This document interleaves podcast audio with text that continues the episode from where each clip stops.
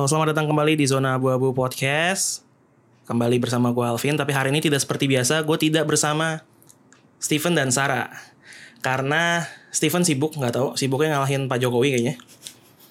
Sementara Sarah di bajak podcast sebelah, podcast Randy. Jadi hari ini gue bersama partner yang baru, ada new face in the house, atau mungkin tepatnya new voice in the house karena muka kita nggak kelihatan. Ada bersama saya Novina Kristi atau bisa dipanggil Opi. Hai. Halo. Halo, gimana kabarnya? Uh, capek sih minggu ini. Capek ya minggu ini ya? Ya sama somehow. Uh, mungkin uh, lu bisa kenalin diri dulu ke para pendengar. Lu nih siapa sih sebenarnya kerjaannya apa? Dan ya mungkin lu mau memberitahu apa? Terserah bebas. Uh, nama gue Novina Kristi. Yes. Karena gue lahir di daerah Jawa Barat, sebenarnya harusnya gue tuh dipanggil Novi.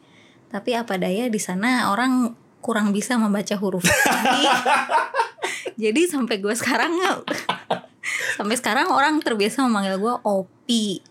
Eh gue kenal sama lu udah lama tapi gue nggak tahu alasannya itu loh. Biasa gue manggil iya ya. Gue cuma tahu manggil Opi Opi tapi gue nggak tahu alasannya karena itu. Iya oh jadi karena nama gue Novina dan uh, salah satu cici gue namanya mirip sama gue Novika dia dipanggil Vika jadi mau nggak mau gue dipanggil Novi. Oh nah, oke. Okay. Kenapa nggak Vina? Nah itu dia gue juga nggak tahu tuh. Jadi nyokap gue kayaknya pengen gitu satu ada Novi satu uh, Vika gitu. Okay. Nah cuma apa daya uh, di sana banyak orang Sunda jadi iya betul tentu saja. Uh, gue seringnya dipanggil uh, V-nya itu berubah jadi P, P. jadi dari Nopi akhirnya jadi Opi, jadi Opi. iya. okay. berarti Vika jadi Pika enggak ya? Nah itu dia nggak adil. Enggak ya? Nama dia tetap Vika sih. Orang tidak ya memang hidup tidak adil ya. Sekarang kerja apa? Gue sih tahu cuma kan for the sake of information ya jadi harus gue tanyain Uh, sekarang kerja jadi guru di salah satu sekolah internasional di daerah Jakarta Barat sini. Jadi ya ya gitu kesibukannya setiap hari ngajar. Kebetulan yang diajarin anak-anak kelas kecil sih. Jadi lumayan uh, setiap hari kayaknya sangat berwarna. Up and downnya bisa teriak, bisa ketawa juga gitu.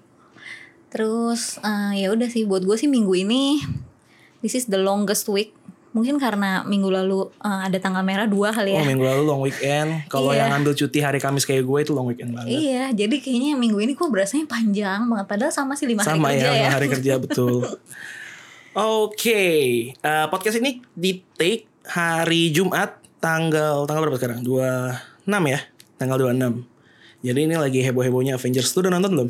Ya belum lah, nggak dapet tiketnya gue. Eh, Pertama nggak dapet, ya? dapet tiketnya, yang kedua uh, ini agak memalukan sih. Jadi gue tuh belum nonton yang sebelumnya. Uh, apa tuh namanya? Ini apa? Captain Marvel.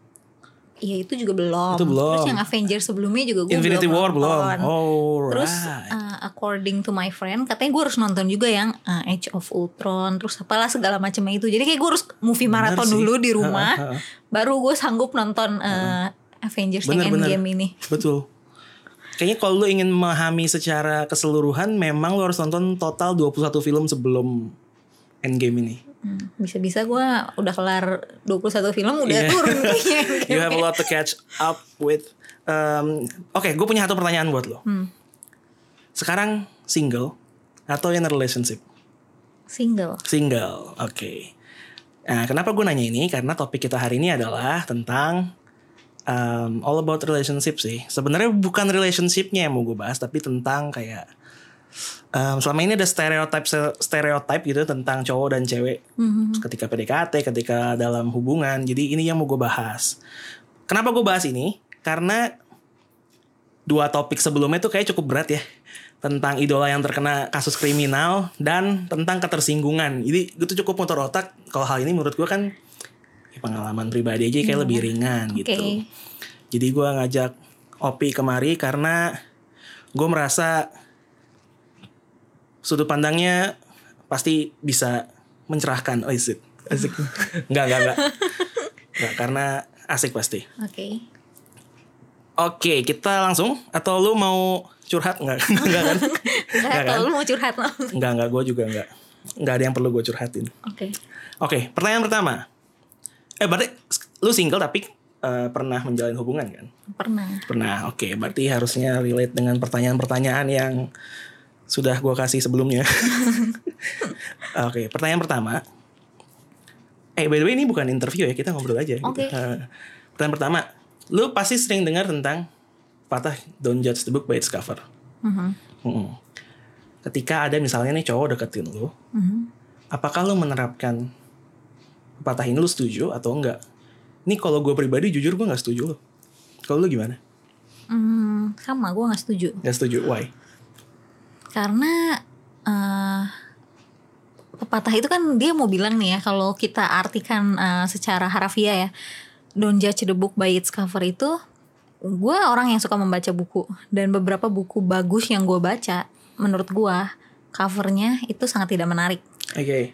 Jadi eh, sama gitu ya dalam hidup pun menurut gue kayak gitu ada banyak orang yang kita temuin mungkin se- secara penampilan luar kayaknya nggak menarik gitu ya tapi Alright. setelah kita kenal bisa jadi punya personality yang lebih menarik gitu Hmm. daripada mereka yang luarnya terlihat menarik Oke. tuh jadi kalau gue gue pribadi eh gue nggak setuju tapi Tapi, buat gue cover itu matters gitu jadi alright. Em, mungkin kalau gue boleh tambahin don't judge the book by its covers only Hmm, gitu oke. so eh, Satu kata tapi penting. iya jadi bolehlah dijadiin consideration boleh dijadiin pertimbangan tapi ya jangan juga dijadiin the only consideration gitu Oke, I see. Kalau gue tuh nggak setuju ya karena gini.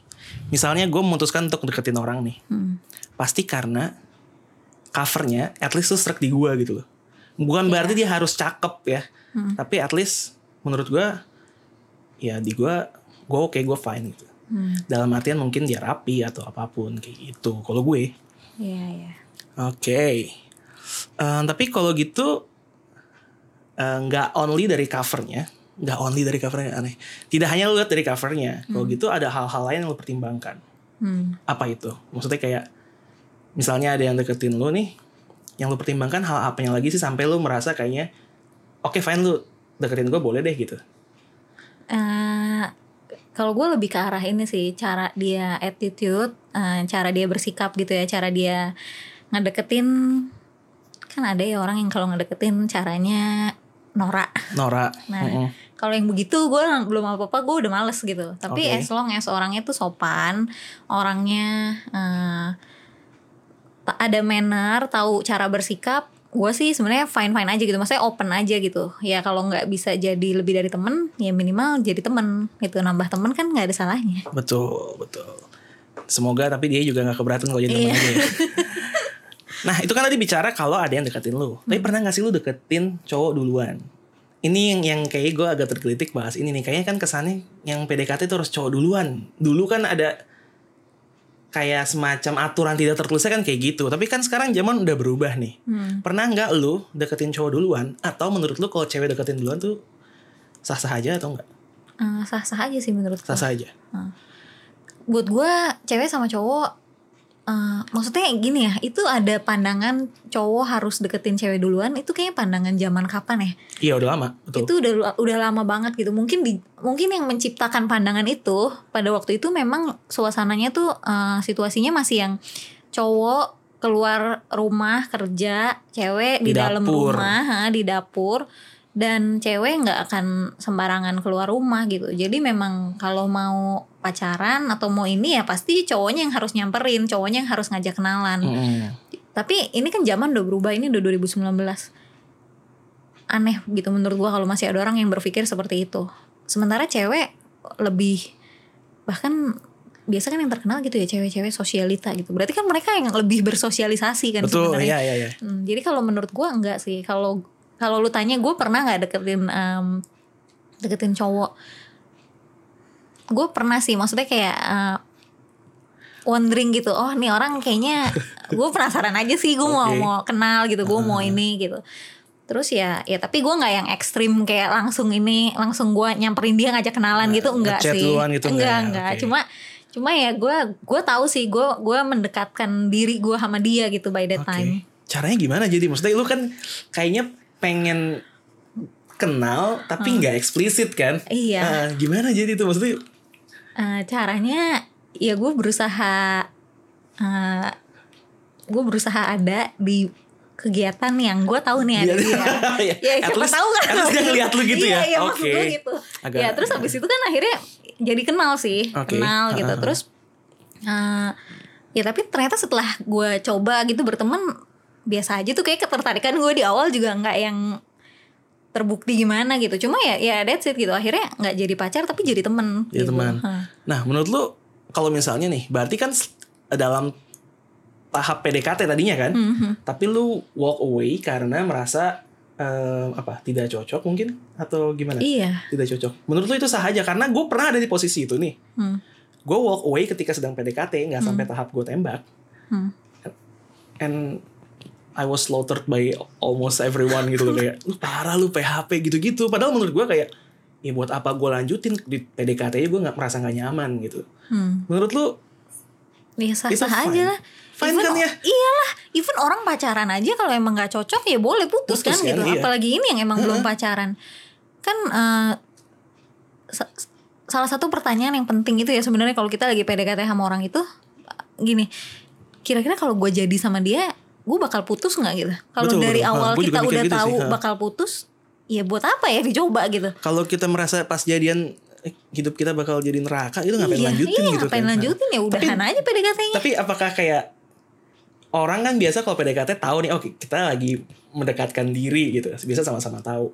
Apakah ketika kita walk away harus ngomong atau ya you just walk away? Hmm, tergantung sih menurut gua kan orang PDKT ada yang udah deket banget, Hmm. ada yang baru ya baru kenal gitu ya baru PDKT tahap awal lah gitu. Kalau misalnya baru kenal belum terlalu deket mungkin ya ya udah gitu. Mm-mm. Tapi kalau misalnya udah eh, deket banget, udah bahkan ada kan ya orang PDKT yang jadi kayak orang pacaran gitu. Padahal sih nggak kayak orang pacaran sih. Eh salah. Maksud gua padahal eh, bukan pacaran gitu, Tapi, tapi kayak orang pacaran. tapi kayak orang pacaran gitu. Cuma statusnya aja gitu kayaknya ya nggak pacaran gitu. Kalau yang kayak gitu sih menurut gua harus ngomong ya. Harus ngomong. inilah pamit baik-baik lah. Berarti tergantung mereka sudah ada di tahap mana. iya. Oke, ini kok ngomongin ini gue menurut gue kayak bakal santai kayak oh happy. Ternyata enggak juga ternyata ya. juga ya. Sulit. Em, Oke, nah ini ini pertanyaan yang pernah gue tanyain di Instagram pribadi gue. Hmm. Eh, Nggak tahu lu baca atau enggak. Jadi dan gue dapat jawaban banyak dan menarik menarik gitu. oke Ketika PDKT jalan bareng lagi ngedate gitu, Hmm. who should pay? Atau how should the payment goes? Eh, buat gue itu sesuatu yang nggak ada aturan pasti harus cowok yang bayar atau Iya, cewek benar, yang benar. bayar Tapi kayak ini kan makanya gue bilang tadi tuh jawaban tiap orang beda-beda. Hmm. Kayak tiap orang kan punya perspektifnya sendiri-sendiri nih. Hmm. Kalau lu gimana? kalau gue berhubung gue sudah kerja dan gue sudah menghasilkan uang sendiri gue nggak ada pandangan bahwa harus cowok yang wajib cowok yang bayar gitu beberapa kali gue pergi sama temen gue yang cowok PDKT lagi PDKT gitu ya ya Tolong jangan hitung yang gak PDKT ya. Oh, iya. Konteksnya, konteksnya lagi. Ya? Iya, iya, iya, iya. ya oke beberapa kali gue jalan sama eh, cowok yang gue lagi PDKT gitu gue yang bayar sih dan buat gue Oke. it's fine sih gitu Hmm. gue nggak merasa itu kayak eh, apa ya kayak seolah-olah eh, harga diri gue sedikit turun gitu karena gue harus Yes. membayar gitu karena buat gue balik lagi gitu pandangan-pandangan seperti itu adalah pandangan-pandangan yang menurut gue tercipta di zaman dahulu ketika perempuan memang belum kerja sekarang kan perempuan udah kerja dan Dan peluangnya besar ya, iya luas. heeh, dan ya nggak bisa lagi lah gitu itu dijadiin dijadiin satu patokan harus cowok harus bayar alright. gitu Itu kayaknya ini kalau bisa ditarik nyambungnya ke isu feminisme nih kayaknya. Oh, Sama gitu. emansipasi kayaknya. Eh tapi menariknya gini, ini kenapa gue ngajak Opi karena menurut gue dia nih wanita yang independen gitu. Jadi kayak sudut pandangnya menarik pasti. Em, kan lu bilang tadi pas lu jalan ada ada kalanya di mana lu yang bayar. hmm. All of it, maksudnya kayak lu makan nih misalnya. Bahkan porsi dia pun lu yang bayar. iya Maksudnya dianya gimana? Kayak hampir semua cowok yang jawab soal ini ini em, mereka tuh kalau dibayarin cewek merasa eh, pride mereka terganggu gitu. Eh, ya ada At sih least gue akan bayar untuk diri gue gitu. Bahkan banyaknya yang bilang gue akan bayar tapi kalau dia bersikeras menolak, ya at least gue bayar punya gue. Hmm. Tapi ini kan, ini gue baru denger kayak berarti lu yang bayar semuanya. Cowoknya gimana reaksinya biasa aja. biasa aja sih karena aja. karena gue pernah biasa tuh gue sebelum gue deket sama orang gitu ya sebelum gue yang sampai deket banget sama orang gue akan bilang sih maksudnya kayak menurut gue hal-hal kayak gini tuh bukan sesuatu yang eh, ada patokan harga mati gitu. Harus cowok yang bayar gitu. Bahkan menurut gue pun atau gini deh contohnya gini eh, waktu itu gue minta ditemenin makan. Dia posisinya udah makan gitu ya. Terus kita pergi ke restoran gue yang pesan makanan dia Yap. pesan minum. Kayak gitu apakah harus laki-laki yang bayar gitu? Ya enggak sih, menurut gue juga enggak. iya gitu. Ya terlepas dari apa yang dia rasakan gitu ya. Hah, tapi kan nggak nggak setiap saat begitu juga gitu. Jadi iya, iya. ya gue tahu sih somehow tuh ma- masih ada sih. Be- masih ada laki-laki yang merasa kayaknya pride-nya agak terguncang sedikit gitu ya ketika cewek harus bayarin semuanya gitu. Makanya gue tidak menjadikan itu eh, habit yang terus-terusan setiap gue jalan begitu. Tapi beberapa kali gue begitu. Atau seringnya sih ini sih kalau misalnya eh, sama gebetan yang sekarang. Oh, berarti single tapi soon Ya, to be mungkin ada deket Ya sama oke, nggak orang gitu ya. Ya pokoknya kalau sama yang sekarang ini eh, setiap kali kita mau nonton kebetulan dia nggak punya MTX gue yang punya MTX Oke, ha, jadi oke. selalu gue yang eh, beli gitu tiketnya. Dan ya sekarang kalau gitu gue balikin deh. Eh, terus dia bilang gitu. Dari awal gue pertama kali nonton bareng dia bilang sih "Eh, tadi berapa gitu tiket nontonnya? Gue mau bayar gitu. Tapi gue bilang ya Nggak ya usah. kali ya nggak usah lah gitu. Ya. maksudnya eh, even kita buat gue segala sesuatu di dunia ini nggak ada yang gratis gitu loh. Segala sesuatu pasti ada biayanya gitu. Kita numpang kencing aja 2000 Iya sekarang. ya kan? Apalagi lu maksudnya mau spend Parkir time mau mau have fun sama orang ya ya pasti ada ada lah gitu. Lo harus bayar. Dan buat gua harga itu masih harga yang terjangkau buat gua gitu. Jadi ya why not gitu? Biasa kalau cowok kadang misalnya lu udah bayarin nih. Terus kayak dia kayak kalau merasa pride terganggu kayak oke next time gue yang bayarin gitu kan. kayak kalau pride terganggu gitu. Eh ya dia ada sih beberapa kali Ada juga ya? ada kayak Ah. gitu nanti next time nonton eh, aku yang bayar ya gitu tapi ya tetap aja sih gitu karena gue orangnya praktis kan gue bilang kan gue yang ada MTX ya udah gue aja yang beli gitu Oke. Nah, em, tadi lu bilang bahwa em, eh sorry, bukan lu bilang. Eh, pasti tapi ada kan cowok-cowok yang kayak kalau jalan kayak oke gue aja yang bayar gitu. Hmm. Ada kan pasti dong. Kalau itu mereka menawarkan itu, lu terima aja atau kayak lu bersikeras gitu loh kayak nggak gue bayar gue bayar at least gue bayar porsi gue. Hmm. Nah, ayo ayo. Gini loh, gue dari dulu gue diajarkan bahwa kalau orang mau melakukan kebaikan nggak usah ditolak Oh, gitu. ini, Jadi gini nih. oh, ini menarik. Ada Yes. ada pepatah yang mengatakan begini.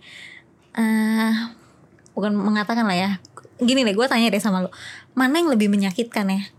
Kita minta sesuatu nggak dikasih Kasih, atau kita mau memberi. kita mau ngasih sesuatu tapi nggak diterima. Yes ya, gue paham. Lebih sakit yang kalau mau ngasih dan gak diterima. Iya sih. gitu. Jadi menurut gue ya udah kalau orang punya niatnya memang niat baik selagi itu tidak merugikan siapa pun dan tidak eh, menyakiti pihak mana pun, ya udah gitu terima aja. Nanti gue tinggal gue tinggal mikir gitu. Oke next time eh, apa yang bisa gue kasih ya gitu buat dia. Ini gue bener-bener gue gak kepikiran jawaban ini loh. Kayak yang dari survei yang gue lakukan di berbagai platform gak ada yang bahas soal ya dia kan ingin berbuat baik. Iya. Kenapa nggak gue accept? Kayak terlalu sibuk sama kalau yang cowok sibuk sama pride laki-lakinya lah. Kalau Hmm. yang cewek sibuk sama apa ya? Mungkin kayak eh kalau gue nggak bersikeras bayar ntar gue dianggap matre gitu gitu-gitu gitu loh tapi Hmm. ini ini ini it's a unique take gitu oh iya iya, Iya, iya. jadi kalau buat gue ya udah gitu namanya orang mau melakukan kebaikan ya kita terima aja. Maksudnya kenapa kita harus menghalangi orang melakukan eh, sesuatu yang baik gitu?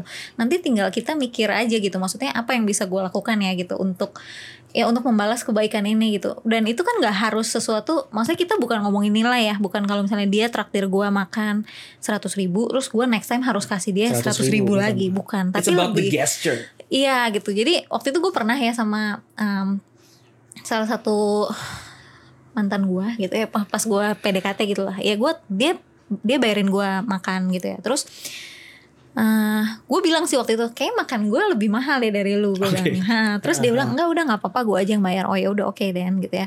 Terus eh, pas kebetulan hari itu pergi pakai mobil dia terus eh, gue sadar gitu pewangi mobil dia tuh habis gitu. Besokannya ceritanya gue ke mampir eh, pulang kerja gue mampir ke Indomaret.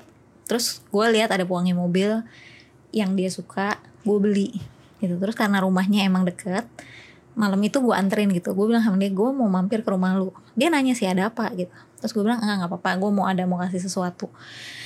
Siapa sih yang mikir gitu? Dia aja nggak nyangka sih gitu gue memberikan itu gitu. Oke. tapi ternyata buat dia tuh it's uh, itu kayak sesuatu yang meaningful banget. Maksudnya kok lu care banget ya? Gitu. Padahal sebenarnya gue cuma karena itu sih gue pulang kerja mampir supermarket gitu ya mampir um, Indomaret gitu. Terus gue lihat gitu oh uh, gue baru inget nih kemarin kemarin gue di mobil dia pewangi mobilnya habis gitu. Dan itu kan itu hal kecil lah gitu menurut gue itu hal kecil tapi ya itulah intinya kalau orang melakukan kebaikan nggak usah ditolak gitu menurut gue ya. Karena itu menyakitkan. Sometimes little things are the most meaningful. iya right? Kayak biasa kita kalau mau ngasih hadiah untuk orang memikirkannya tuh hal-hal besar gitu kan. Kayak yes. Lu baju baru atau apa perhiasan gitu. Tapi siapa yang kepikiran kayak oh, Iya. pewangi sekecil pewangi mobil lu habis dan lu kasih gitu kayak itu meaningful sih menurut gue. Berarti lu memperhatikan hal, -hal kecil dari orang tersebut. iya kan small thing matters gitu Small thing matters, yeah really. Menarik menarik. Gue nggak salah ngundang orang kayaknya. hmm, Oke, berarti soal siapa yang bayar, gue udah mendapatkan jawaban yang memuaskan sih. Walaupun kalau gue prinsipnya adalah gue akan menawarkan sih pasti kalau gue kalau kalau jalan gue akan menawarkan. Urusan lu terima atau enggak, ya belakangan deh. Hmm. Kalau gue sih gitu. Em, berikutnya, nah kalau tadi kan gue nanya soal kalau cewek deketin duluan sah atau enggak. Hmm. Pertanyaan berikutnya ini tentang cewek duluan lagi tapi duluannya beda yaitu duluan nembak. Because kayaknya kan eh, apa ya skalanya beda nih antara deketin duluan sama nembak duluan. Hmm. Apakah lu tetap stance sama? sama Sama. gue eh, lagi-lagi buat gue sama gitu cewek sama cowok sebenarnya peran perannya tuh ya kurang lebih sama lah gitu. Sebenarnya nggak nggak ekstrim beda kayak yang zaman dulu yang Yes. pandangan-pandangan zaman Sekarang dulu banyak gitu papa ya rumah tangga. iya. Sekarang banyak kok gitu ibu-ibu yang justru kayak terkesan jadi kepala keluarga gitu ya. Iya, dia iya, yang iya. menafkahi apa segala macam tapi ya itu jadi menurut gua kalau ditanya eh, sah nggak sih cewek kalau nembak cowok duluan? Ya sah aja sih gitu. Buat gua di sini poin gua adalah yang penting ketika mau cewek mau co- cowok kalau mereka nembak eh, orang yang mereka suka itu ya karena dia yakin gitu maksudnya karena dia emang udah yakin mau melangkah ke step berikutnya ya Oke. ke relationship gitu jadi bukan soal eh bukan soal cewek atau cowok gitu ya masalahnya itu menurut gua di sini ya balik lagi kita hidup di negara yang Berflower. Berflower ya Iya. ya maksudnya eh, yang masih menganggap kayaknya harusnya cowok gitu Hmm. tapi balik lagi gini sekarang pertanyaan gua kalau misalnya cewek sama cowok biasalah orang pasti punya kelebihan punya kekurangan ya ada cowok yang punya kekurangan di komunikasi Oke. Eh, jangan berharap banyak gitu ibaratnya mungkin bukan dia nggak serius gitu tapi mungkin itu butuh keberanian yang sangat besar untuk eh, He Itu, doesn't know iya. how to express. Iya gitu. Sementara kalau kebetulan ceweknya tipe yang lebih ekspresif, yang lebih mudah berkomunikasi, ya why not gitu menurut gua. lo ngambil inisiatif Iya. duluan ya? heeh. Soalnya menurut gue ini beda. Kalau misalnya cewek nggak deketin duluan udah banyak sekarang di sekitar gue pun banyak. Tapi Hmm. kalau soal nembak duluan, bahkan mereka yang mau deketin duluan pun kadang-kadang tuh bukan nembak duluan, tapi kayak kode minta kepastian gitu loh. Masalahnya gini, Vin, gue gue sering baca di buku di mana-mana, cowok itu nggak bisa dikodein. Ya, jadi Most of them nggak bisa dikodein sih. iya gitu. Percuma. Lu kodein yang ada, lu kesel sendiri kok gitu kayaknya. Habis nggak nyambung gitu biasanya. Iya, iya, iya, iya. Orang mereka dikasih tahu belak belakan aja masih nggak nyambung kadang-kadang. Cowok tuh bego sih gue bilang emang bego aja, Iya. jangan dikodein deh. Ya, termasuk lu berarti Irwan. Emang gue merasa cowok tuh bego, makanya gue gak suka cowok. Oh gitu Iya, ya. makanya gue mau cewek. Menurut gue sih. cewek lebih pinter, jadi gue mau lebih pinter. Memperbaiki keturunan lah. Cowok bisa keturunan juga. Mm-mm, jadi, oh iya berarti fine-fine aja lah ya. Menurut gue juga fine aja. sih. Iya. gue pengen ngerasain sebenarnya tembak dia asik. Tapi Enggak, nggak ada ya, nggak ada cewek nembak lu ya. Nggak ada. Gak usah dibahas ya. Gak usah itu nanti obrolannya ini aja off the record. Oke. Oke. nah, kita udah bicara soal PDKT nih. Tadi Hmm. PDKT. Lu ada yang mau ada hal tentang PDKT gak sih yang menarik perhatian lo yang mau dibahas? Di sini kalau lu punya sesuatu, nggak apa keluarin aja. Atau lu mau balik nanya juga boleh. Eh, Asal jangan hidupan pribadi ya. yang gue mau tanya ya, sekarang kayaknya lagi ngetren ya orang PDKT tapi gayanya udah kayak orang pacaran. Hmm, uh, maybe Ini eh, opini lu pribadi gimana, Film? opini gue pribadi. Hmm. How, maksudnya gue kayak bisa nangkep. Tuh, gue nggak terlalu berpengalaman jadi gue nggak tahu nih kayak berapa lama mereka kayak waktu PDKT orang kan beda-beda gitu ya. Hmm. Kayak kalau mereka baru seminggu PDKT atau kayak sebulan lah PDKT udah kayak orang pacaran menurut gue Aneh ya. wow juga sih wow so fast gitu tapi kalau mereka mereka PDKT itu setahun kelamaan gak sih ya misalnya udah. PDKT setahun menurut gue Itu kayaknya cicilan HP setahun. iya ini kayak cicilan gitu Nah, ya mungkin aja siapa tahu kita PDKT setahun tapi entah karena apa belum jadi juga tapi udah sama-sama suka. Mungkin nggak berani ada yang nembak aja nih. Ya siapa tahu dulunya sama-sama malu who knows. Tapi mereka udah kayak menunjukkan kayak udah kayak saling segitu perhatiannya satu sama lain udah kayak pacaran menurut gue nggak apa-apa juga. Walaupun ya kalau udah sama-sama tahu mending tembak aja. Jadi pertanyaan berikutnya, eh, menurut lu status penting nggak? Penting Penting ya. penting. Nah ini hostnya siapa ya? Ya? Em, itu mungkin ini ya gue gue pengen bedain antara PDKT yang kayak pacaran atau hubungan yang tanpa status. Kayak beda deh. Oke, bedanya apa? Bedanya adalah em, apa ya? Gak tau gue bilang kayaknya kan. mungkin bedanya gini. Kalau PDKT menurut gue tahap di mana lu udah nggak bisa dibilang PDKT adalah tahap ketika lu masih unsure sama apa yang dirasakan oleh em, calon pacar lu ini. Hmm. Kalau udah sama-sama tahu nih, udah sama-sama tahu, Mhm. sama-sama sayang gitu misalnya ya. Hmm. Apalagi kalau misalnya udah ada perbincangan soal ini juga, tapi belum jadi juga mungkin itu bisa disebut hubungan tanpa status. Mungkin nggak tahu ini kan seperti yang lu bilang tidak ada patokannya kan, tidak ada ilmu yang membahas tentang percintaan, Iya, iya. ya kan? Nggak ada lovology kan ada. Atau ada atau somewhere in the world ada gue nggak Iya, tahu. kali ya. Nah, mm. Mungkin kalau ada kita harus ini kali Vin. Gue sih akan sangat tertarik ngambil S2 itu sih kalau ada ya. kalau ada kayaknya butuh Kayaknya ya. orang-orang Indonesia tuh banyak yang butuh eh, konsultasi mengenai Iya, iya, percintaan. betul, betul, Iya. betul. Jangankan Indonesia, di Bojong kayak banyak. Bojong itu daerah tempat tinggal Iya. kami ya anyway kalau yang tidak tahu. Oke, kita sudahi saja soal PDKT, Oke. kita bahas ke yang sudah berstatus. Oke. Berarti soal pacarannya nih. Hmm. Soal pacarannya. Dalam hubungan pacaran, Mhm. ya harus dipungkiri bahwa orang ini spesial. Lu nggak bisa memperlakukan dia tentu selayaknya teman biasa. Ada hal-hal yang hanya lu lakukan kepada pasangan lu, Yes. ya kan? Nah, salah satu yang jadi pertentangan banyak orang dan bener lagi-lagi tidak ada patokannya sebenarnya adalah soal privacy masing-masing. Mhm.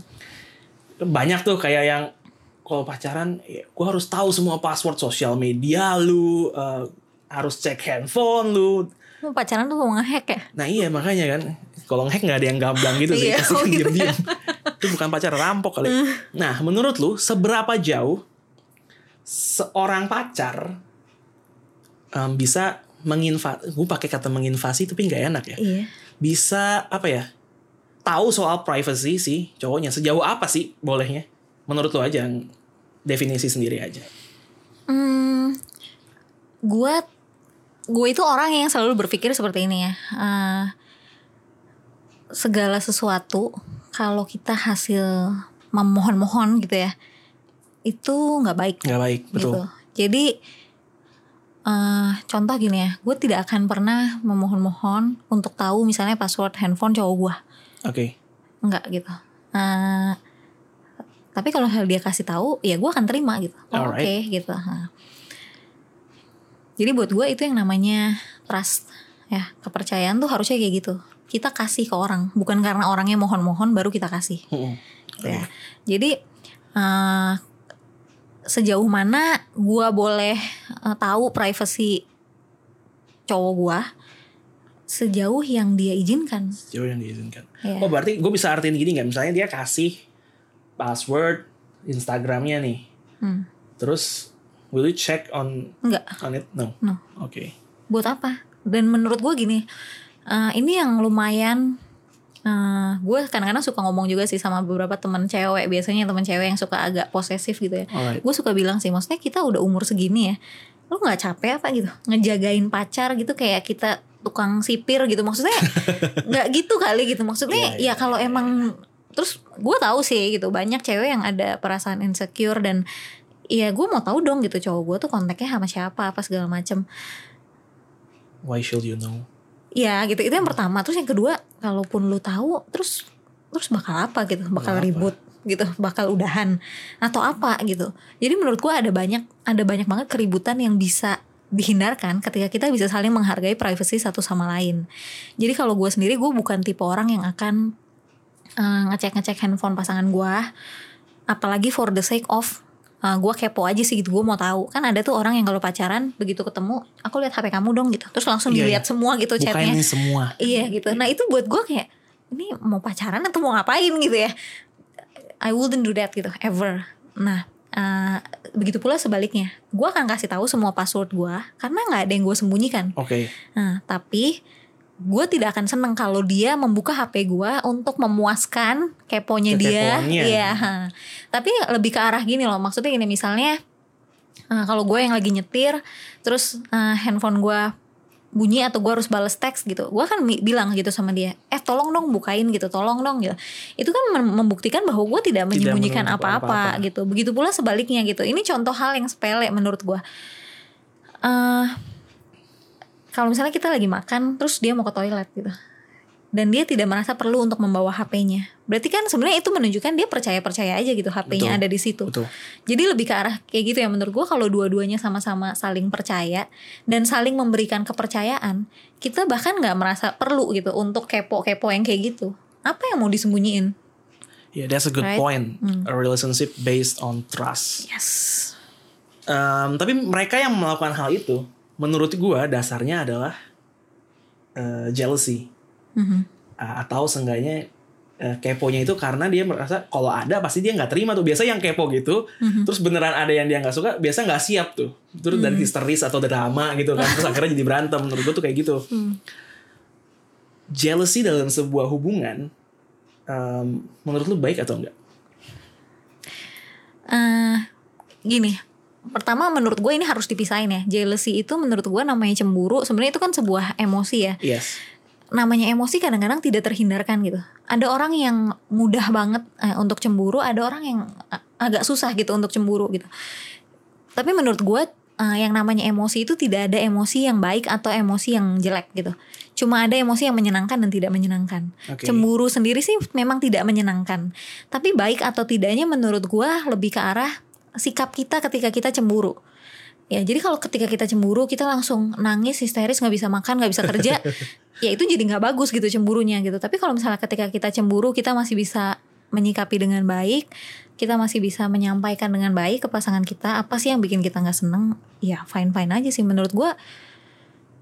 Sebenarnya cemburu itu kan eh, menandakan kita sayang gitu sama orang itu. Ya, oke. Right. Banyak yang bilang kayak gitu sih, benar. Iya, kalau misalnya kita nggak sayang sama dia, kita nggak peduli mau dia diambil siapa gitu ibaratnya, ya kita nggak akan cemburu. Tuh.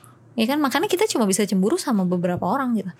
Nggak semua orang bisa bisa kita cemburuin kan gitu dalam hidup kita. Kenapa? Karena nggak semua orang sespesial itu gitu sebenarnya. Kayak gitu kali ya. Ya boleh, kan terserah lu. Berarti kayak kadar cemburunya kali ya. Maksudnya kayak ya itu bagus kalau kadarnya masih masih masih masih masih fine, masih segala sesuatu yang berlebihan kan nggak baik kan. Yes. Kayak kalau kadarnya tepat, mungkin itu hal yang bagus karena menandakan bahwa lu sayang sama orang tersebut. Iya, ha. jadi lebih ke arah cara kita menyikapinya ya kalau kita Ah, cemburu tuh oke. gimana. Dan itu yang gue suka bilang sama eh, kalau orang curhat sama gue gitu ya. Kalau lu udah cemburu berkali-kali, udah mencoba cari jalan tengahnya nggak bisa, tapi menepis rasa cemburu lu juga nggak bisa, ya udah udahin aja sih. Iya, Emang nggak capek apa gitu pacaran kayak gitu terus? Right? Maksudnya gue bingung sih gitu kalau orang pacaran kan gini lah ya kita fair-fairan aja. Kita pacaran pasti mau bahagia lah. Iya, betul. Ya, jadi kalau pacaran isinya lebih banyak ributnya, lebih banyak nggak bahagianya, ya ngapain pacaran ya? Bener gak sih? Unhealthy relationship gitu iya kan. gitu, ya ngapain, ngapain, lagi gitu. gitu kan? Gitu. Jadi ya sama gitu dalam hal cemburu juga gitu. Cemburu oke gitu. Tapi kalau memang itu sangat mengganggu, coba cari jalan tengahnya. Kalau masih tidak bisa dan nggak ada yang mau ngalah, ya udah udahin aja iya ngapain lanjutin. mau ngapain lagi gitu kan Tapi eh, tendensi orang pasti bisa diubah kan. Kayak misalnya contoh nih ya, contoh gua dulu pas gua SMA, Mhm. gua tuh namanya gue pengalaman pertama pacaran nih sama aku Mhm, aja mhm. itu gue posesif banget guanya loh cowoknya gitu gue tuh posesif banget tapi makin ke sini sampai sekarang kayaknya beda gitu bukannya nggak cemburu ya tapi Iya, nggak cara menyikapinya udah- mencak-mencak, iya, udah, iya, udah iya. lain gitu nah jadi tapi ada juga yang kayak gue kenal orang nih udah 10 tahun ini masih begitu aja cemburunya sama gitu Iya, ya itu sih. Makanya menurut kembali gua ke orangnya lagi. Ah, sikapnya gitu, sikapnya. Menurut gua semua orang pasti ada lah. Cemburu tuh ada Hmm. gitu pasti dalam setiap relationship. Bahkan dari kita eh, dari kita kecil aja gitu, kalau kita punya saudara gitu, ketika kita lihat eh, siapa di keluarga kita lebih memperhatikan saudara kita gitu, itu itu kita pasti ada perasaan eh, Iya. gimana kan gitu ya, fair-fairan aja lah gitu dari in a way kecil. itu juga cemburu ya. Iya gitu. Sebenarnya itu kan artinya dalam lingkup yang komunitas kita yang paling deket aja, yang harusnya kita tahu nih mereka sayang kok sama kita gitu. Itu aja kita ada gitu rasa cemburu.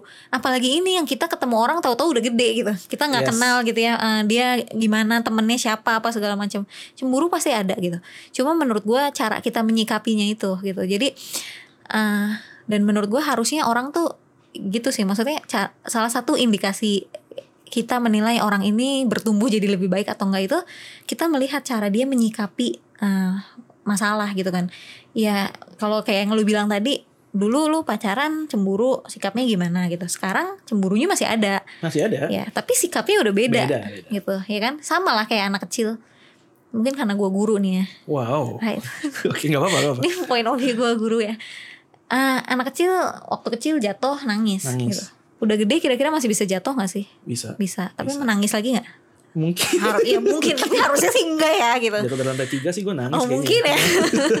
Itu kayaknya udah nggak nangis langsung dibawa ke UGD itu kayaknya. Sambil nangis. Iya tapi ya kayak gitu. Atau misalnya gini eh, dulu waktu kita kecil kita lapar nangis gitu. Yes. Udah gede lapar ya bisa juga sih nangis gitu. Tapi kan nggak proper gitu. Pasti Iya, ada yang kita lakuin dulu lah yang lain gitu. Artinya emosi-emosi seperti itu kebutuhan-kebutuhannya tetap ada kan? Tapi cara kita menyikapinya yang harusnya berbeda gitu. Oke. Eh, lu tuh kuliah jurusan apa sih? Eh, accounting. Kayak bukan accounting gitu ya kayak psikologi atau filsafat gitu, Gitu ya. Eh, kayak sangat bijak sekali. Gue merasa pengalaman hidup. Apa ini gue kayak gue kayak anak murid lagi ngadep guru BP nih sekarang ini. Eh, oke. Tapi kalau menurut gue ya kayak kalau pendengar podcast nih mayoritas range-nya ada di usia 18 sampai 24 Hmm. kalau lu masih berada di range kayak 16 sampai 18 tahun Mhm. menurut gue kalau lu cemburu-cemburu gitu di di di relationship tuh drama-drama menurut gue nggak apa-apa udah itu itu part of your life Hmm. nanti kalau udah di atas 24 lu masih kayak gitu ya ya udah kebangetan lu iya itu keterlaluan ya perkembangan lah berkembang kan kalau kalau dulu hidup lebih drama gak sih kayaknya pas zaman SMA Iyalah, atau, atau iya, gitu kan pastilah. ya tapi tapi setiap orang alay pada masanya kok iya udah nggak usah Iya, dibahas nggak usah dibahas. cemburu ya. Bahasa Belandanya cembokur tuh. Oke. Nah tadi kita udah bahas tadi kan sempet soal kekepoan yang berujung ke berantem. Hmm. kayak dia nggak siap mungkin udah soal-soal mau ngecek handphonenya Iya. terus ngeliat nih cewek siapa? Gitu kan berantem. Pasti dalam setiap hubungan ada berantemnya. Hmm. pasti nggak mungkin nggak yakin 100% gue. Yes. pasti ada berantemnya Ya aneh justru ya hubungan yang gak pernah berantem. Enggak ya, lu gila. Lu Uh-huh. pacaran sama diri sendiri aja Iya. mungkin.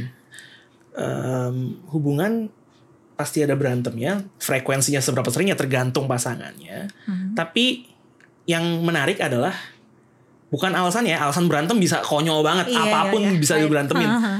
Yang menarik adalah setelah lu berantemnya. Hmm. Uh, what's the best way untuk menyikapi uh, momen setelah lu berantem nih? Eh, kayak uh, gue tanya-tanya juga jawabannya berbeda-beda. Ada yang kayak gue kalau habis berantem ya udah gue diemin pokoknya, gue diem aja dulu gitu. Ada yang pengen langsung make up sampai dia ngechatnya buset bisa sampai 300 bagaimana yang yang yang yang yang. Sorry bla bla bla gitu. Dan beragam. Menurut lu what's the best way? Atau yang membuat lu paling nyaman ketika habis berantem? Melakukan apa? Maksudnya untuk memperbaiki hubungan? Eh, menurut gue preference orang beda-beda ya. Yes. Gitu. Ada yang lebih prefer langsung diomongin. walaupun itu jam sampai jam 12 malam, walaupun itu sampai nggak tidur gitu ya, ada yang lebih prefer begitu.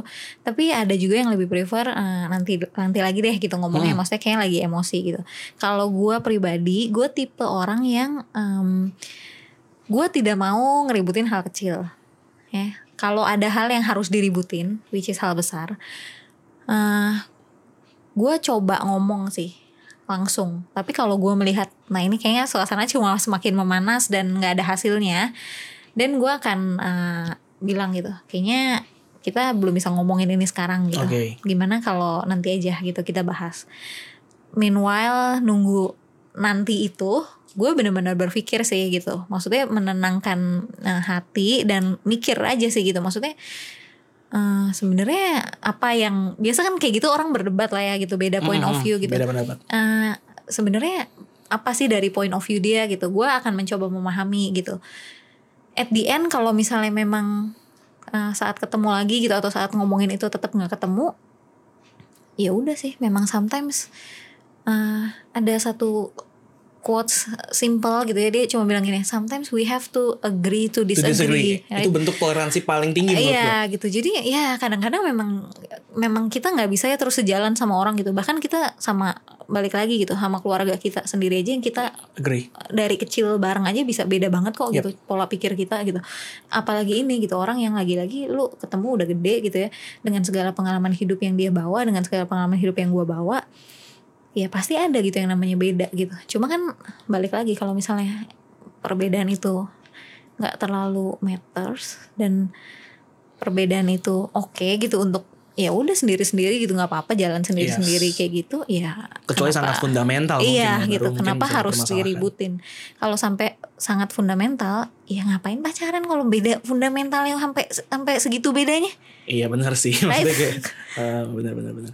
Em, kalau lu sendiri lebih kayak mana? Apakah lu yang mau langsung lu omongin atau Enggak. yang tunggu dulu? Gua atau mungkin dulu. tipe yang ketiga? Ada tipe ketiga lo, lu nggak tahu ya? apa Yang curhat ke sosmed. oh enggak enggak enggak. Ada lo tipe itu. gitu. Gua Ada tipe gitu. itu. Gua nggak gitu. Curhatnya kadang colongan, nggak nggak eksplisit sih, tersirat gitu, tapi ada Oh, lah. gitu ya. cewek pasti ya ya. cowok juga ya cowok juga ada sih, cowok juga ada. Ah, cowok cewek sekarang kan beda-beda Iya, tipis iya. lah. gue tipe yang karena gue tahu gue kalau ngomong agak belak-belakan jadi Hmm.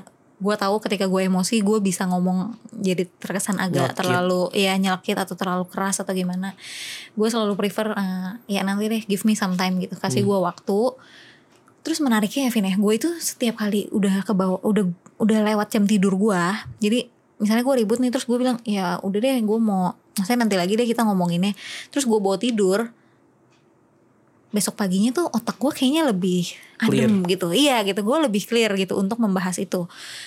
Eh biasanya hasilnya lebih baik. Terus yang kedua ini yang lebih aneh lagi sih. Kalau gue mandi dan keramas itu otak gue beneran lebih adem gitu. Iya kan keramas kan berarti lu kepala lu dibasuh berkali-kali Iya. itu pasti lebih adem sih. mungkin ya. Jadi Teori macam apa ini? jadi nah itu itu gue somehow itu gue lebih lebih adem gitu. Jadi gue lebih pas ngomongin ya lebih nggak emosional aja sih gitu sebenarnya kan kadang-kadang eh yang bikin ribut dan berkepanjangan itu menurut gue bukan soal Apanya? topiknya kontennya gitu ya tapi lebih ke arah ya either cara ngomongnya ngomong lu. pemilihan Ah, iya, katanya benar. gitu ya Intonasi, iya. intonasi sebenarnya yang kayak kan Ah, gitu ah, ah, jadi setuju. itu yang menurut gue dalam ilmu komunikasi pun eh, itu yang lebih matters kan sebenarnya bukan kontennya gitu Iya konten mau kayak gimana pun lu bisa kemas iya jadi gitu. apa pun. Heeh, ter- tergantung lu cara penyampaiannya gimana gitu. Nah maksud gue kita kan manusia ya masih terbatas gitu. Jadi kalau tahu kita lagi bete pulang kerja capek gitu ya ngapain juga gitu ngomongin sesuatu yang serius? Nanti lagi lah gitu. Tunggu nggak ke mana-mana kan masih ada hari esok. Betul. Kalau tips dari Opi berarti untuk menenangkan diri satu mandi dua keramas. tidur, tidur, tidur. tidur, Tidur, mandi dua. keramas. mandinya Gitu. harus keramas Mandinya harus keramas itu jadi satu tuh. Berarti satu tidur, dua mandi plus keramas itu tuh tips. Eh, bisa dicoba mungkin eh, bermanfaat untuk yang lagi berantem. oke Tapi em, itu kan kalau ketika lu udah udah apa ya ibaratnya lu butuh waktu nggak sih untuk kayak menenangkan diri gitu. butuh butuh banget Hmm. Cara orang berbeda-beda. Kalau standarnya dulu makan coklat karena akan membuat lebih happy. Ada yang kayak gitu. ada juga yang kayak hangout sama teman-temannya tuh bisa bisa lebih dia kayak menenangkan diri. Hmm. kalau lu gimana? Apakah lu ketika baru berantem adalah tipikal orang yang bisa langsung melakukan kegiatan lain? Atau justru memang butuh kegiatan lain untuk menenangkan diri? Kalau gue jujur ya gue jujur nggak bisa langsung. Gue harus butuh waktu untuk gue sendiri dulu nih. Sendirinya pun gue nggak ngapa-ngapain kayak ya udah duduk aja atau atau duduk atau tiduran diem gitu udah gitu. Kalau lu gimana? Apakah ada Ah, aktivitas khusus yang- menurut gua ketika orang bilang butuh waktu tapi dia terus sibuk gitu ya Hmm? eh, itu bukan menenangkan diri. Itu lari dari kenyataan. Lari oke bener gak Iya, sih? iya, Maksudnya iya, menurut gue iya. itu bukan menenangkan diri ya. Maksudnya namanya menenangkan diri itu kan lu lu butuh ya tanda kutip keheningan sejenak lah ya oke. gitu. Mungkin nggak bener-bener literally keheningan mungkin gitu. denger lagu Iya gitu, gitu. ya. Tapi maksud gue lu butuh eh, apa ya? menarik diri sejenak gitu supaya lu bisa mikir dengan lebih netral. butuh retret ya Iya, harusnya red ya.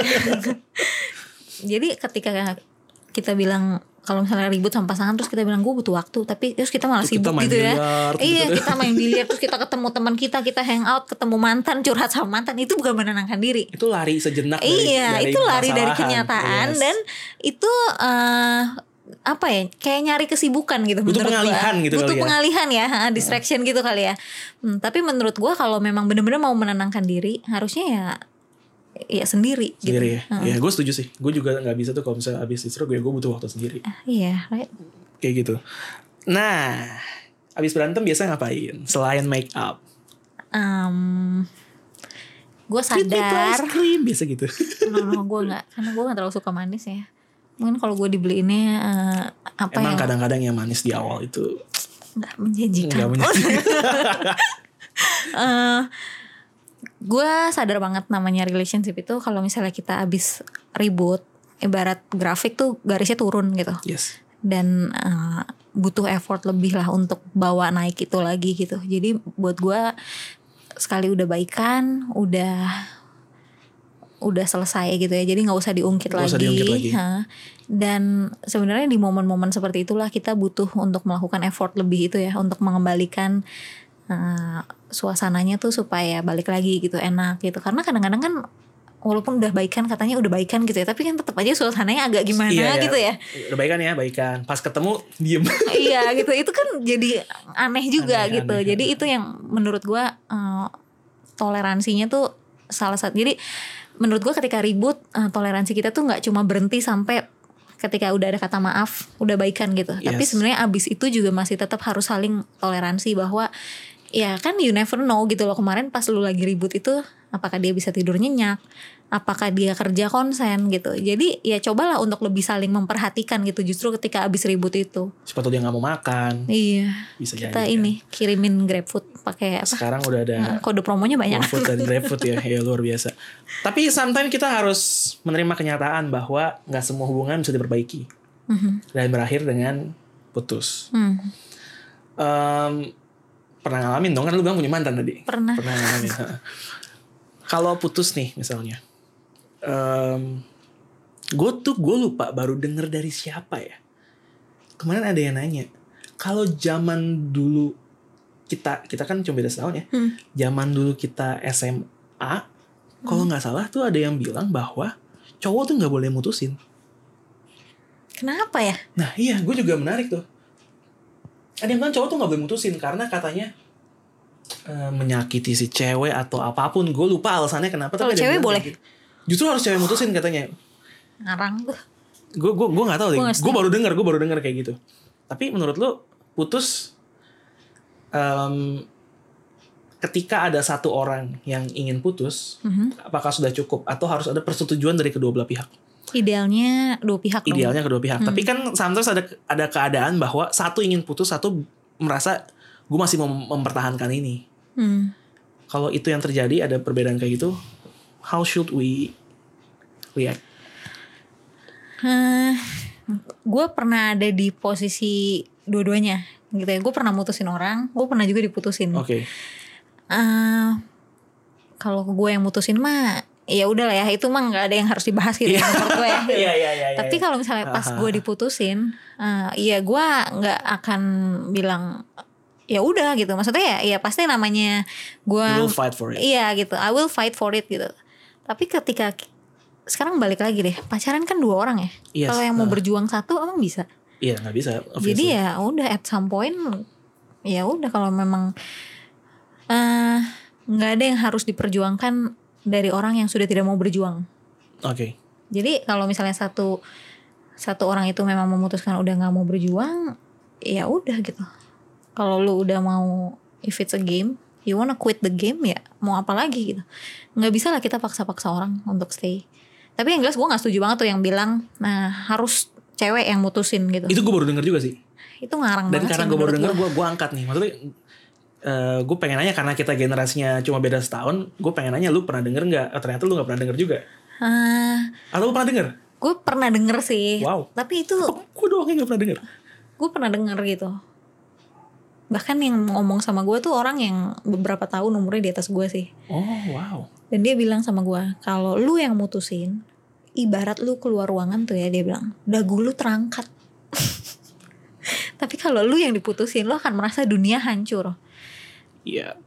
gini ya Fen gue yakin banget yang pernah ngomong begitu itu pasti cewek sekarang pertanyaan gue coba lu balik kalau lu punya anak cowok terus eh, anak cowok lu diputusin gitu menurut gue namanya putus ya mau cowok mau cewek sedih lah Yes. Kalau lu putus dan lu nggak sedih, berarti lu harus mempertanyakan iya sih. gitu berarti something's wrong gitu kan Iya, dalam emang- emang relationship berarti lu kan Iya. bener. Heeh, tapi menurut gue cowok cewek sama gitu sedihnya bedanya cewek itu ekspresif Mm-mm. sedih dia akan nangis nggak bisa makan nggak bisa tidur kalau cowok kan masih yang eh, emosinya tidak setajam wanita gitu ya Tapi jadi zaman sekarang cowok-cowok juga Iya, iya. emosinya banyak yang agak-agak lebih emosional malah Iya, dari cewek ya cowok- Cowok-cowok juga emosional loh. iya tapi ya menurut gue sama lah gitu pada dasarnya sama sama-sama kalau emang sama-sama sayang ya putus pasti sedih gitu ya tinggal balik lagi aja cara mereka mengekspresikan sedihnya itu gimana Menurut gue ribet malah kayaknya. Eh gue pengen putus tapi gue nggak bisa mutusin lu yang mutusin deh gitu kan. Eh, terus at the end nah, yang satunya juga nggak mau putusin Ya gitu udah ya selesai lu bertahan deh. Nah tadi menarik lu bilang sama-sama sayang. Hmm. Nah kadang-kadang em, putus ada yang mau putus. Sebenarnya aku masih sayang sama kamu. Pernah denger gak? pernah Iya pernah denger kan? Sebenarnya aku masih sayang sama kamu. Ya udah kenapa kenapa abis itu yang hatinya bilang ya udah kenapa kan kita terusin aja kan masih sama-sama sayang gitu. Hmm. Yang satu lagi ya dengan alasan apa pun bilang ya nggak bisa harus bla bla bla. Kalau gue pribadi menurut gue selama nih orang dua masih mengakunya sama-sama sayang dan it's true, Hmm. menurut gue masih bisa dipertahankan harusnya. Menurut lu gimana? Apakah memang kadang ada yang lebih dari itu?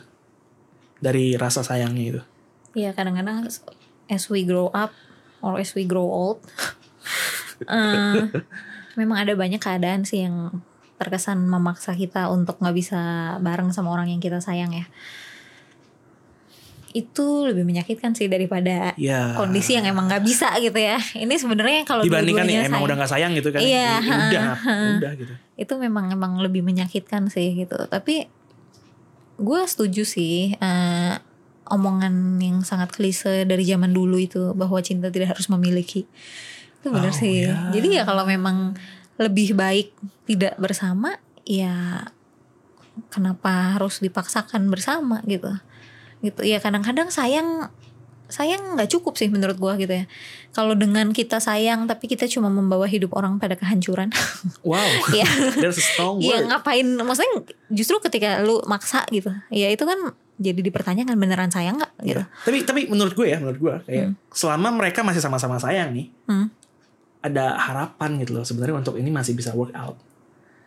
Hmm. Kan Kalau satu udah nggak sayang, udah gitu kan, maksudnya udah nggak ada harapan sama sekali, udah habis gitu. Tapi selama mereka masih bisa sayang, bukan maksa ya, maksudnya tapi mungkin ada masih bisa ada ada harapan untuk mereka jalan terus menurut gue sih. ya makanya menurut gue biasanya kalau kalau case-case yang begitu itu bener-bener mau putusnya yang bener-bener prosesnya panjang banget gitu. Kenapa? Karena mereka akan mempertimbangkan dulu segala kemungkinan segala uh, jalan keluar akan dicoba dulu sampai udah bener-bener mentok gitu. Oke. nggak bisa gitu. Gitu. Jadi ya makanya balik lagi sih menurut gue ya uh, pacaran tuh jangan ya cobalah untuk um, have fun untuk uh, enjoy gitu ya relationship. Tapi jangan terlalu ngasal juga gitu. Jangan terlalu eh, banyak banget. Trennya itu orang pacaran tiap ribut ngomong putus. Oh, itu menurut gue udah gak sehat sih. Kalau tiap ribut ngomong ya putus, gitu. Ha, jadi maksud gue cobalah untuk lebih dipertimbangkan gitu. Begitu pula sebaliknya gitu ya. Ketemu kalau ketemu masalah apa coba dipikirin dulu gitu. Pikirin segala jalan segala eh, segala kemungkinan yang masih bisa dicoba gitu dan kalau emang at the end udah nggak bisa at least itu bukan karena mudah menyerah gitu tapi karena memang ya gue udah coba semuanya kok gitu kalau kata anak sekarang itu karena semesta tidak mendukung. Iya. Katanya, katanya itu sosok itu kritis gitu kan. iya, ya. the whole universe gitu The ya whole universe. against us iya iya Kadang-kadang seperti itu. Oke. Dari omongan lu banyak yang menarik dari tadi makanya gue bilang tadi lu ngomong tadi lu ngomong gitu. Nah ini ada lagi nih. Tadi lu bilang bahwa ketika putus baik cowok maupun cewek akan sakit kan? iya Akan sakit. kalau beneran pacarannya sayang Kalau ya beneran sayang. Kalau dia udah nggak sakit pasti ada yang aneh itu Iya, ha. pertanyakan diri lu Iya. sendiri. Nah, ini pertanyaan mungkin terakhir kali ya. Mhm. How do you mend a broken heart? Eh, Dengan sakit hati itu, mhm. em, healingnya gimana sih? Cara untuk mengobati sakit hati itu? Eh, pasti beberapa hari pertama sedih banget Oh, gitu ya disaster. apalagi yang putusnya tuh kalau orang bilang mungkin kayak arwah penasaran gitu yang sebenarnya? Iya, ini menarik nih. ya maksudnya lu sendiri kayaknya masih bertanya-tanya dan masih penasaran dan masih belum bisa menerima gitu bahwa ini harus udahan gitu Enggak kenapa itu gue panggilnya arwah penasaran tuh Iya, why? jadi kalau kayak arwah? Kenapa arwah penasaran?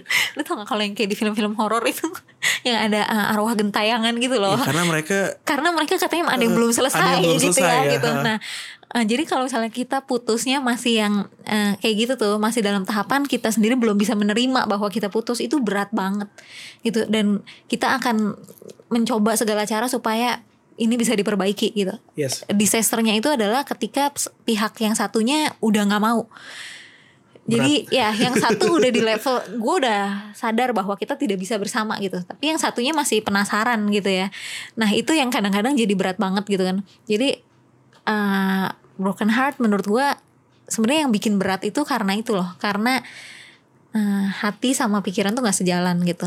Jadi menurut gue kalau orang putus nomor satu harus belajar menerima Harus belajar kenyataan, menerima kenyataan. bahwa ini nggak bisa gitu. Bahkan ketika kita posisinya diputusin sepihak, ibaratnya harus bisa melihatnya gini, dia sudah menggunakan hak pilih dia gitu untuk tidak memilih saya gitu.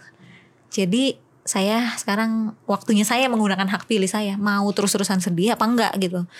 Jadi pastilah beberapa hari awal, beberapa minggu mungkin pasti sedih ada lah, mungkin nangis-nangis gitu, susah makan, susah tidur. Eh beda-beda sih ada yang malah makan terus gitu ya. Eh, Yes. beda-beda lah gitu. Tapi pasti beberapa minggu pertama itu akan sangat berat gitu. Kalau gua sendiri eh, apa yang gua lakukan supaya gua bisa healing lebih cepat adalah gua cari kesibukan baru.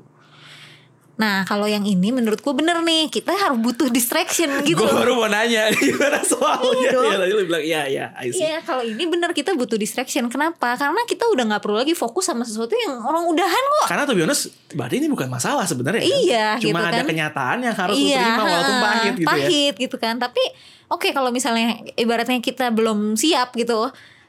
Tahu nggak Vin sama kayak gini loh. Em, waktu kita masih kecil Yes. minum obat rasanya pahit. Oke. Terus abis itu suka dikasih manis-manis kan abis itu. Um, oh iya, suka dikasih permen ki atau apa pun. Iya ha, gitu. something. ha. Ya sometimes kayak gitu sih sebenarnya. Sampai kita besar pun begitu gitu. Kita tahu nih bahwa kita nih sakit gitu ya, berarti sakit hati gitu ya. Dan kita mau sembuh kan.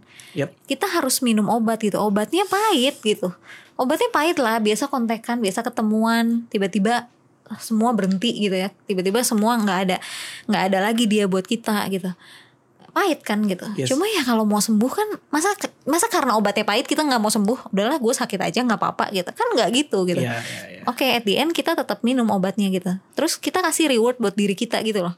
Manis-manisnya itu loh. Kalau waktu kecil, waktu kecil soalnya gue gitu, gue inget banget. Eh, nyokap gue tuh suka maksa gue minum jus wortel dan gue nggak suka banget karena rasanya pahit gitu. Dan eh, setiap gue berhasil minum eh, satu gelas jus wortel, gue dikasih setengah gelas eh, teh manis hangat. Itu reward gue gitu by that time. Dan gue akhirnya minum gitu. Jus wortel itu gue minum. Nah sama gitu. Ini juga untuk kita bisa sembuh sakit yes gitu. Tapi we need to reward ourselves as well gitu menurut gue caranya gimana? Ya lakuin hal yang lu seneng. Cari hobi baru cari kesibukan baru. Ketemu sama orang-orang baru nggak harus eh, lawan jenis langsung saya cari ganti gitu ya enggak, Iya, enggak. oke. tapi saya ket- ketika kita ketemu orang baru itu distract banget sih menurut gue Gue tanya deh, how much of this eh, yang spontan dan seberapa banyak yang lo udah siapin sebelumnya? Kayak, Enggak lah ini ini oh my lu god. iya. Oh, you sh- totally should come to my podcast again. gitu ya kayak banyak banget yang bisa gue quote gitu kayak kayak wow lu bahkan kaitin sama pemilu lu udah menggunakan hak pemilu gokil. Makanya gue how much of this you prepare before? Seberapa yang semalam? Lu baru ngasih tau gue aja semalam. Semalam bener. Gue juga udah ngantuk terus gue langsung tidur. Gue nggak nggak expect lu langsung mau rekaman hari ini sih. Iya iya. Kayak biasa orang iya seminggu baru berikutnya rekaman gitu. Gue lumayan sering banget sih soalnya ngobrolin kayak gini-gini ya sama dan beberapa teman gue yang lebih muda dari gue bahkan yang udah married pun suka curhat gitu soal kayak gini-gini sama Oke, gue oke. jadi ya soalnya kalau orang bilang gue orangnya lebih logik gitu daripada eh, emosional ya. Jadi mungkin that's why kali ya. Jadi kalau gue obrolan-obrolan kayak gini it's something useful banget sih buat gue udah hatam ya. Kayak ini gue harap banyak yang denger sih. Karena buat buat pendengar yang lagi mungkin lagi galau atau apa pun lagi mau deketin kayak gue harap banyak yang denger sih. Ini, ini insightnya banyak banget. Gue mulai sekarang akan manggil Opi love guru. Gurunya bukan teacher ya guru. Guru. It's just kind of a hermit like. Um, I have another question actually. Um, mungkin last lagi. Oke. Terakhir. second last ya. Second last ya. Nggak kayaknya last deh kayaknya. Um, setelah putus lu tipikal orang yang bisa kembali menjadi teman sama mantan lu atau no we're now stranger Eh, pas baru putus butuh waktu butuh ya. waktu itu gue Heeh. setuju butuh waktu jadi aneh kalau orang baru putus bilangnya ya nggak apa-apa kita tetap berteman aja gitu ya kapan lupanya gitu ya kapan bisa bertemannya gitu namanya lu butuh butuh pindahkan dari dari yang iya gitu gitu. Ah, tapi nanti setelah beberapa waktu setelah udah cukup tenang ah, it's okay sih menurut gue to be friends gitu ya. Ba- ah, but can you? Yes yes yeah. I'm friends with all my ex. Oke oh nice. Dan gue temen yang temen deket sih gitu. Maksudnya apalagi kalau misalnya posisinya sekarang gue masih single dia juga masih single. Ya gue masih bisa bahkan jalan bareng gitu. Makan bareng atau apa gitu. Tapi benar-benar nothing personal you anymore gitu ya. gitu iya ya. benar-benar kayak cuma makan ya udah cuma nanya kabar ngobrolin kerjaan ngobrolin apa yang lagi ngetren saat itu udah gitu. Nggak ada lagi lah perasaan-perasaan yang agak-agak gimana gitu kalau dulu kan Gak ada iya, gimana iya, iya, iya. kalau kita masih masih drama kayak sama mantan kayak ada percikan-percikan yang Iya kembali gitu menyala gitu nggak ya. ada nggak ada nggak ada. Kalau gue udah yakin bahwa oke gue udah siap berteman, ya gue berteman. Dan gue tipe orang yang selalu berusaha untuk uh, walk the talk gitu ya. Jadi gue ngomong apa, gue akan berusaha menjalankan itu. Lu tau kan orang banyak banget orang yang uh, mutus mutusin pasangannya itu bilang kita berteman aja, kita jadi temen aja. banyak banget Nah, jadi kalau abis itu jadinya strangers itu bohong berarti dia bilang kita Yes. berteman aja. Tapi sometimes kan yang ngomong gitu, yang Hmm. memang mau berteman, tapi belum tentu pihak hatinya lagi bisa terima. Iya, mak ya kalau gue, kan, ada kan. gue sih open aja ya gitu. Berteman menurut gue uh, oke aja gitu. Cuma ya kalau misalnya dia tidak siap berteman dengan gue, berarti dia belum bisa move on dari gue ya. Atau kalau misalnya ini ya, ya udah sih. Tapi intinya gue tidak akan bermusuhan gitu. Oke, I see. Iyalah orang lu sekali sayang sama dia kenapa jadi musuhan, Tuh, right? yes. Hmm. Ah, ini adalah kalau gue bilang ya eh, percakapan yang bergizi asik. Tapi nggak percaya deh, sesuatu yang tumbuh kembali itu rasanya nggak akan sama. Asik. Oh, Oke, I think that's all. Oke. Karena kayaknya kita ngobrol udah lama ya. Ah, iya, lumayan Iya, gak berasa ya. lumayan Kan gue udah bilang sama lu kan kalau abis direkaman nih gak berasa sih sebenarnya. Iya, Mungkin tangan pegel aja aja. sih karena Oh, megang iya. gue belum punya standnya mohon maaf.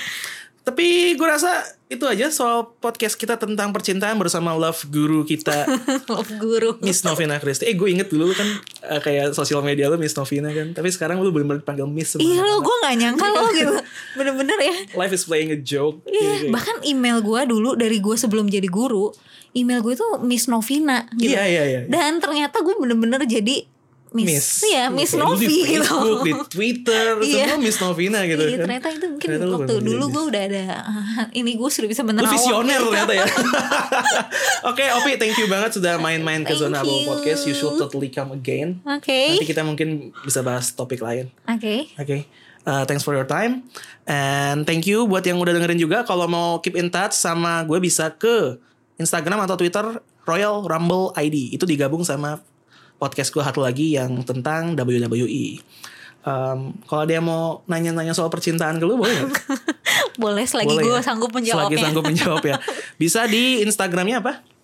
Eh, Novina Christie. Novena Christie. Boleh di chat mungkin ada yang mau Kak aku mau curhat setelah dengerin Opi ngomong Kayaknya kok uh, She knows a lot about this thing gitu kan Kayak silakan Nah, Kalau selama pertanyaannya masih bisa dijawab Akan dijawab Asal jangan nawarin kayak oh, Ah, obat pelangsing Obat, apa? langsing Apa pun gitu nggak bakal dibales Oke uh, Sekali lagi thank you Pi Uh, this, has, this has been Zona Bobo Podcast Ingat hidup bukan tentang hidup hitam dan putih aja Yes. jadi tadi tentang pendapat kita, kalau kalian mau setuju, boleh. Mhm. Kalau nggak setuju juga nggak apa-apa. Karena bentuk toleransi terbesar adalah agree to to disagree. disagree. Bye bye, see you next week.